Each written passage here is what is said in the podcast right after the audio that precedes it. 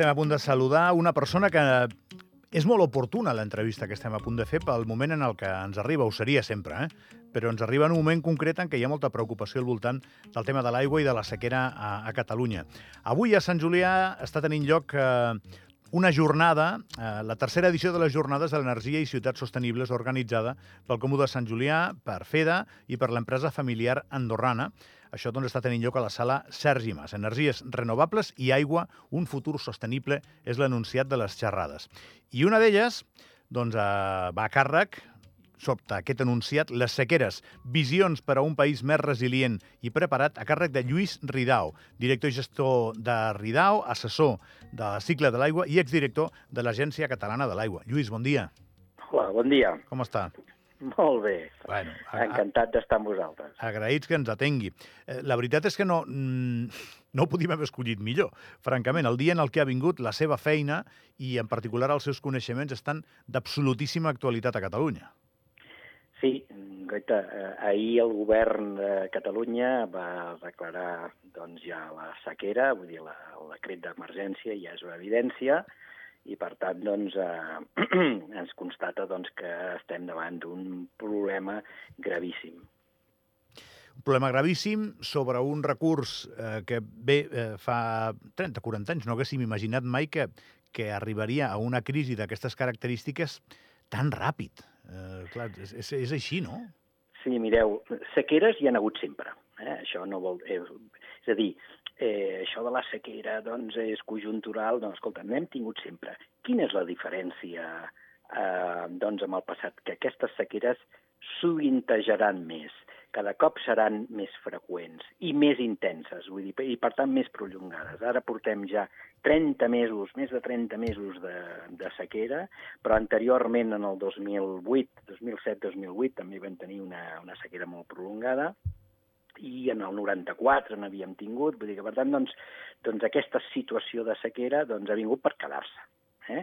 I aquesta és la novetat i, per tant, doncs, haurem d'adaptar totes les nostres infraestructures doncs, a aquesta falta, manca de recurs, que és la pluja. Eh? I, evidentment, doncs, els rius estan baixant el cabal. Ara doncs, ens informaven doncs, eh, diferents ponències de com estat, estan baixant els cabals als rius eh, andorrans, evidentment no de la mateixa manera doncs, que en els rius catalans o en el llevant espanyol. Escolteu, no només és un problema doncs, a Catalunya, és un problema doncs, a tot el llevant, a Múrcia, Almeria, Andalusia, vull dir, aquesta és una situació doncs, que, que també replica arreu del món. Hi ha, noti hi ha notícies, Lluís, que tenen la condició d'històriques i sempre quedaran allà, perquè les primeres vegades és el que tenen, no? Sempre queden allà. En aquí, fa poquet, van donar una notícia de restriccions molt lleus, eh? molt lleus i poc significatives, d'aigua a Andorra, a la parròquia de, de la Massana. I ens va generar un, un efecte gairebé de xoc a tots plegats. No? A Andorra també, doncs sí, a Andorra també. Sí, jo, de fet, quan em van convidar a venir a aquesta jornada, pensava que jo vinc a esquiar a Andorra, eh, Andorra té aigua, doncs no. Doncs Andorra doncs, té cada cop més problemes de cabals, vull dir, la, mm, de fet, d'alguna manera, els rius porten menys aigua perquè no plou, però també perquè la massa boscosa andorrana, però també a Catalunya, com també doncs, a la conca mediterrània, està creixent i, per tant, doncs, els boscos eh, volen més humitat, retenen aquesta humitat, humitat que no arriba als rius i, per tant, doncs, baixen els cabals. També és un tema doncs, a tenir en compte que és la millor gestió dels boscos. Clar, millor gestió dels boscos que vol dir, Lluís, més o menys, perquè ho entenguem. Doncs, Cada vegada menys boscos. Doncs no, eh, escolteu, eh, ara fa, fa 40 anys doncs, eh, doncs hi havia explotacions ramaderes, hi havia explotacions doncs, que mantenien pastures, aquestes pastures ja no existeixen, aquestes pastures s'han convertit doncs, en arbrat, eh, en arbrat molt tupit, arbrat que, mm, que d'alguna manera doncs, reté tota aquesta aigua que ja no arriba als rius. Eh? Per tant, doncs, aquesta és, un, és una problemàtica mm, del territori. Eh? I, per tant, doncs, eh, mm, haurem de fer una millor gestió, és a dir, eh, s'estan reconvertint les pastures en boscos. Mm -hmm. Aquesta és una realitat, i aquesta, és a dir, no plou, menys cabal, i a la vegada doncs, doncs, es retenen les aigües en els boscos, doncs, evidentment, doncs, els rius poden arribar a portar entre un 20 un 40% menys d'aigua. Això és tremendo eh? Eh, per qualsevol país. No, perquè tot ho fem a l'engròs, Lluís. Eh, necessitem molt menjar, tot, tot és industrial. I abans la situació, doncs, eh, més o menys eh, tenia una feina de l'home sobre el territori, sobre el terreny, que era diferent i era continuada, no? Mireu, només per, per, per dir-vos un... La, petjada, o sigui, a Catalunya, per exemple, el consum per habitant és de 116 litres dia. A Andorra, el ministre de Medi Ambient ens parlava de 158 litres dia. Però realment aquestes no són les dades. Les dades de la petjada hídrica real són de sí, gairebé de mitjana uns 6.700 litres dia. Per què? perquè per fer mm, doncs, uns texans necessites 8.000 litres. Per fer un quilo de carn necessites 15.000 litres. És a dir, per tant, doncs, el reflexe de tota aquesta petjada de mitjana, per exemple, a Catalunya són 6.700 litres. Jo estic pensant ara mateix, igual que nosaltres no reciclàvem i reciclem, potser no el que caldria, mm. però crec que ens ha entrat això, al final ens ha acabat entrant, haurem de gastar menys aigua, no? Crec que, crec que ens hi haurem de posar ja. Eh, haurem de ser més curosos, eh, haurem de no malbaratar. Hi ha un altre element molt important, i haurem de veure quins són els nivells de pèrdues a les canonades, això és molt important, sobretot en el món rural, eh, hi ha poblacions que mm, perduen, eh, tenen una, unes pèrdues eh, entre el 40 i el 50% a les seves xarxes per no haver fet el, els manteniments eh, correctius necessaris. Per tant, doncs, hi ha molta acció a poder fer abans d'arribar doncs, a, a, al ciutadà. Tot i això, a banda d'aquesta conscienciació, també el que cal és eh, suplementar, i això ho estem fent a Catalunya, eh, tota aquesta mm, eh, pèrdua d'aigua perquè no plou. Eh? I, de fet, estem creant aigua planificada, és a dir, creant aigua nova a partir de la desalinització, això és fàcil a la costa, però també regenerant aigua a partir de les depuradores. I, i eh, recordo, especialment aquí consumim la, la informació que genera a Catalunya, àvidament, ja, ja ho sap Lluís, recordo aquella sequera quan Montilla era president, vostè se'n recordarà perfectament, no? Sí, sí. I, I en aquella sequera es va parlar molt de les màquines desalinitzadores, molt al punt que crec que Catalunya es va més o menys equipar. Però em va semblar com si això hagués de ser la solució, i ara veig com si no ho fos. De fet, no escolto que se'n parli. Sí, sí, és la solució, de fet, una de les solucions. Eh? De fet, avui dia el 33% de l'aigua que surt per l'aixeta doncs, a la regió metropolitana de Barcelona és aigua desalada. Mm? I per què no en fan més? Preguntarà mm, algú. Perquè, perquè potser no eh, hem ampliat aquestes infraestructures pensant en que no tindríem aigua.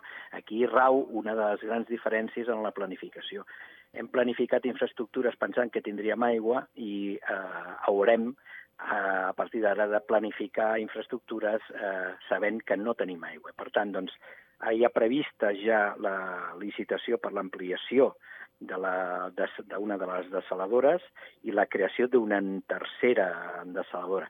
De fet, gràcies a la desalació d'aquell temps, estem vivint ara. Eh? Si no, ja la situació seria molt més dramàtica. Però no només això. Estem fent aigua regenerada, que aigua regenerada què és? És aigua depurada de les depuradores. Eh? Aigües mm -hmm. que han passat pels ronyons de molta gent, eh?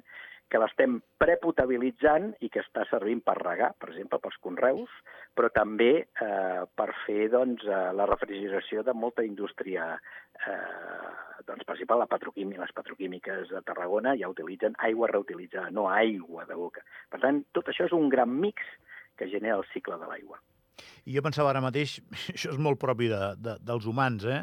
Si no, si no ens passiguen, no, no ens espavilem, eh? És a dir, aquestes plantes de les que ara s'està bastant, bastant Catalunya, força Catalunya, resulta que venen d'una gran crisi, una gran sequera. Uh, ara igual tornem a fer perquè estem en una gran sequera, no? Correcte. És dir, planificar, Aquesta... planificar no és el nostre. Clar, eh, eh, aviam, una, eh, necessitem una gran patagada. Eh? Necessitem, es veu que necessitem una gran patagada, però d'aquesta patagada n'ha de sortir aquesta, aquesta conclusió. Hem de planificar ja perquè no tindrem aigua, perquè, en definitiva, doncs eh, a Catalunya hi faltaran entorn de 200 hectòmetres cada any que s'han de poder generar amb aigua, de, amb aigua regenerada de les, depures, de les depuradores, encara, encara que costi pensar en això. Eh? Però només he posat avui un exemple. Escolteu, mm, els calçots de Valls eh, es reguen amb aigua de la depuradora de Valls però les carxofes del Prat es reguen amb aigua depurada, també. Vull dir, per tant, doncs, d'aigua depurada també se'n fa doncs, per regar carrers, per fer, la, per fer neteja i per, la, i per la indústria. Per tant, doncs, eh, bé, aquesta és una aigua nova, una aigua que pla, eh, planificada, perquè no és una aigua natural, doncs que serà la que s'imposarà eh, ja. De fet, a Catalunya és un exemple del que s'està fent a Califòrnia. Eh? Nosaltres estem replicant, som, som bessons del que està passant doncs, al, al sud de Califòrnia. I a vostè mm, li queda eh, doncs una miqueta aquest paper, que no sé si és ingrat o ingrat, de ser un expert d'això. Llavors l'anirem cridant a tot arreu perquè, perquè vagi sí. divulgant aquest discurs, no? Sí, sí, de, de fet, d'alguna manera, aviam, l'aigua atrapa, eh? a mi em va atrapar, vull dir, eh, jo sóc eh, jurista, eh? però em va tocar, em vaig responsabilitzar de gestionar una part eh, doncs de, de, del cicle de l'aigua durant anys a, a Catalunya, i l'aigua atrapa, eh? però l'aigua és vida. Eh? I, I tant.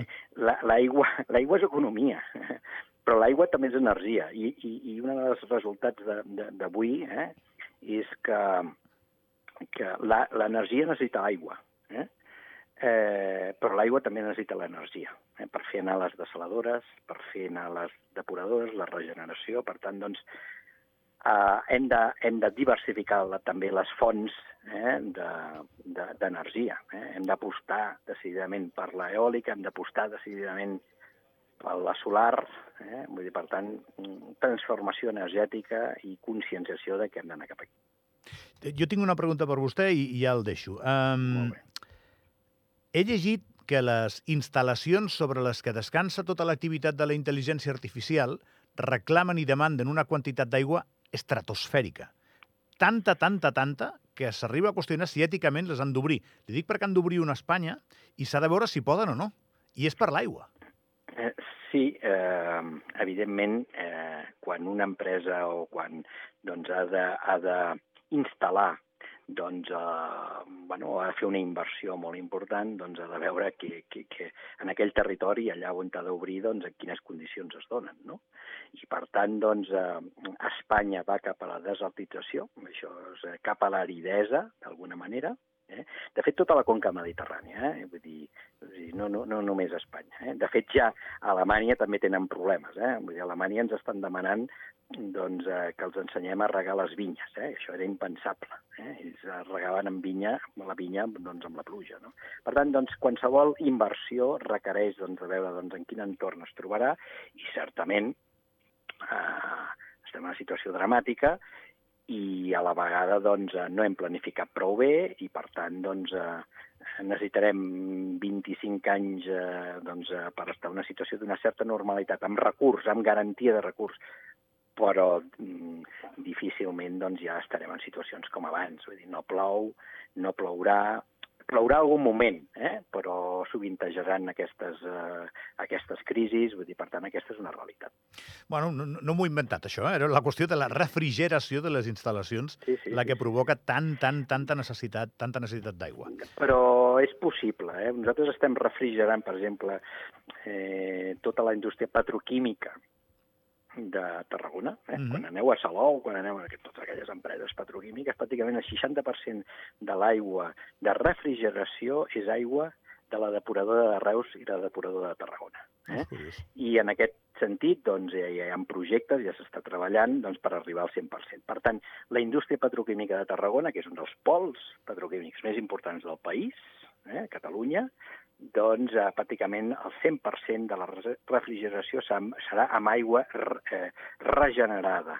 I és una aigua mm, mm, tècnicament tan pura que només volen aquesta aigua perquè no, hi, no tenen purgues, cosa que amb l'aigua amb l'aigua de boca tenen més problemes. Per tant, doncs, eh, aigua regenerada per la indústria. Lluís Ridau, eh, moltíssimes gràcies pel seu temps, eh, que vagi molt bé. Molt bé, gràcies a vostè. Una abraçada, gràcies.